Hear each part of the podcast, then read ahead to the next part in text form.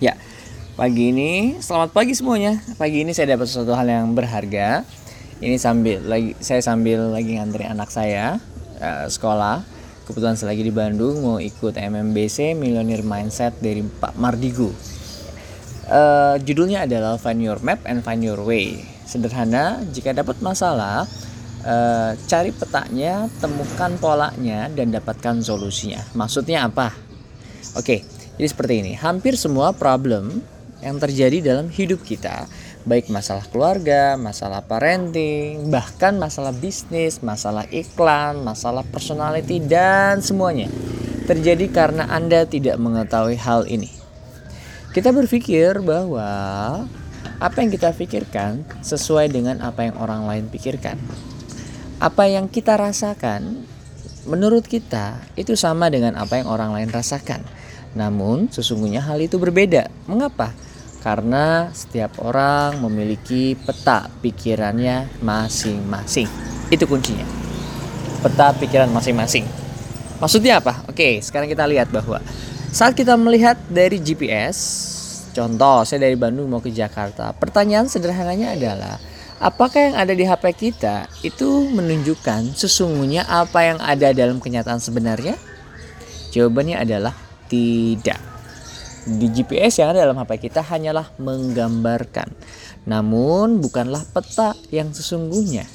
Ya, Itulah yang terjadi pada saat dalam perusahaan kita misalkan atau saya, saat ini saya lagi nganter anak saya pembelajarnya adalah ternyata pada saat saya mau nganterin uh, teteh Rara mau diantar sama Abi nggak mau kenapa nggak mau oh ternyata katanya nggak mau sama Abi ditinggalin. Oke dari situ saya nge oke kenapa ditinggalin ya? Nah akhirnya saya mencari cari cari. Akhirnya dengan jurus copywriting juga. Oh ya saya uh, jangan lupa bahwa pada saat aku belajar ilmu tentang copywriting is all about your life. Karena karena jualan adalah tentang bagaimana kita memahami psikologi bagaimana kita mengerti bagaimana kita memahami manusia seutuhnya. Dan dari situ saya banyak ide. Oke berarti aku harus memilih aku harus punya cara yang lain. Ini namanya cara brain hack. Caranya kalau dalam uh, judul bukunya Mas Bondan itu judulnya adalah rahasia. Nah ya sudah. Saya pakai jurus copywriting saya adalah.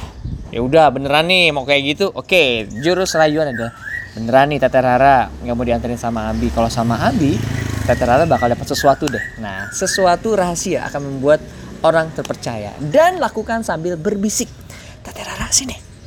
Abi punya sesuatu kalau misalkan Tete Rara mau diantarin sama Abi. Oh iya? Nah akhirnya bla bla bla sambil jalan sambil ini akhirnya mau. Hingga akhirnya pada saat Ninnya neneknya sudah siap-siap tanya lagi Tete Rara mau dianterin sama Nin sama Abi? Yes, akhirnya sama saya. Nah, itulah aplikasi bagaimana saat kita belajar iklan, kita akan belajar bagaimana teknik merayu anak parenting dan teknik psikologi banyak hal sekali. Nah, oke, okay, kembali lagi.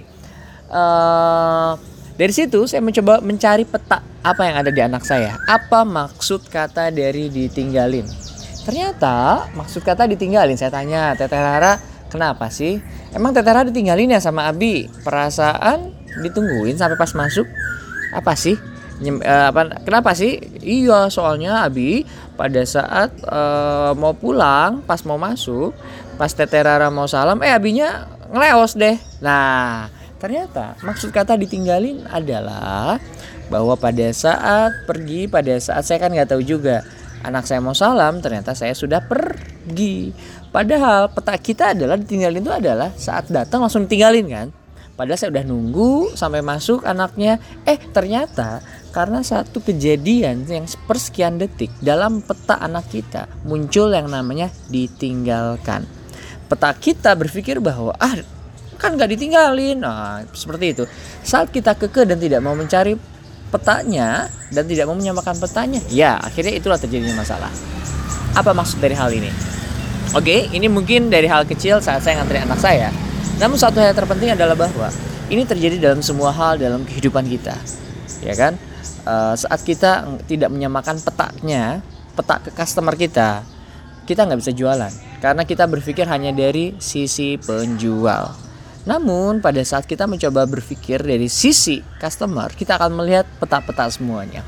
Oke, kesimpulannya adalah cari petanya, samakan petanya, temukan solusinya. Terima kasih. Assalamualaikum warahmatullahi wabarakatuh.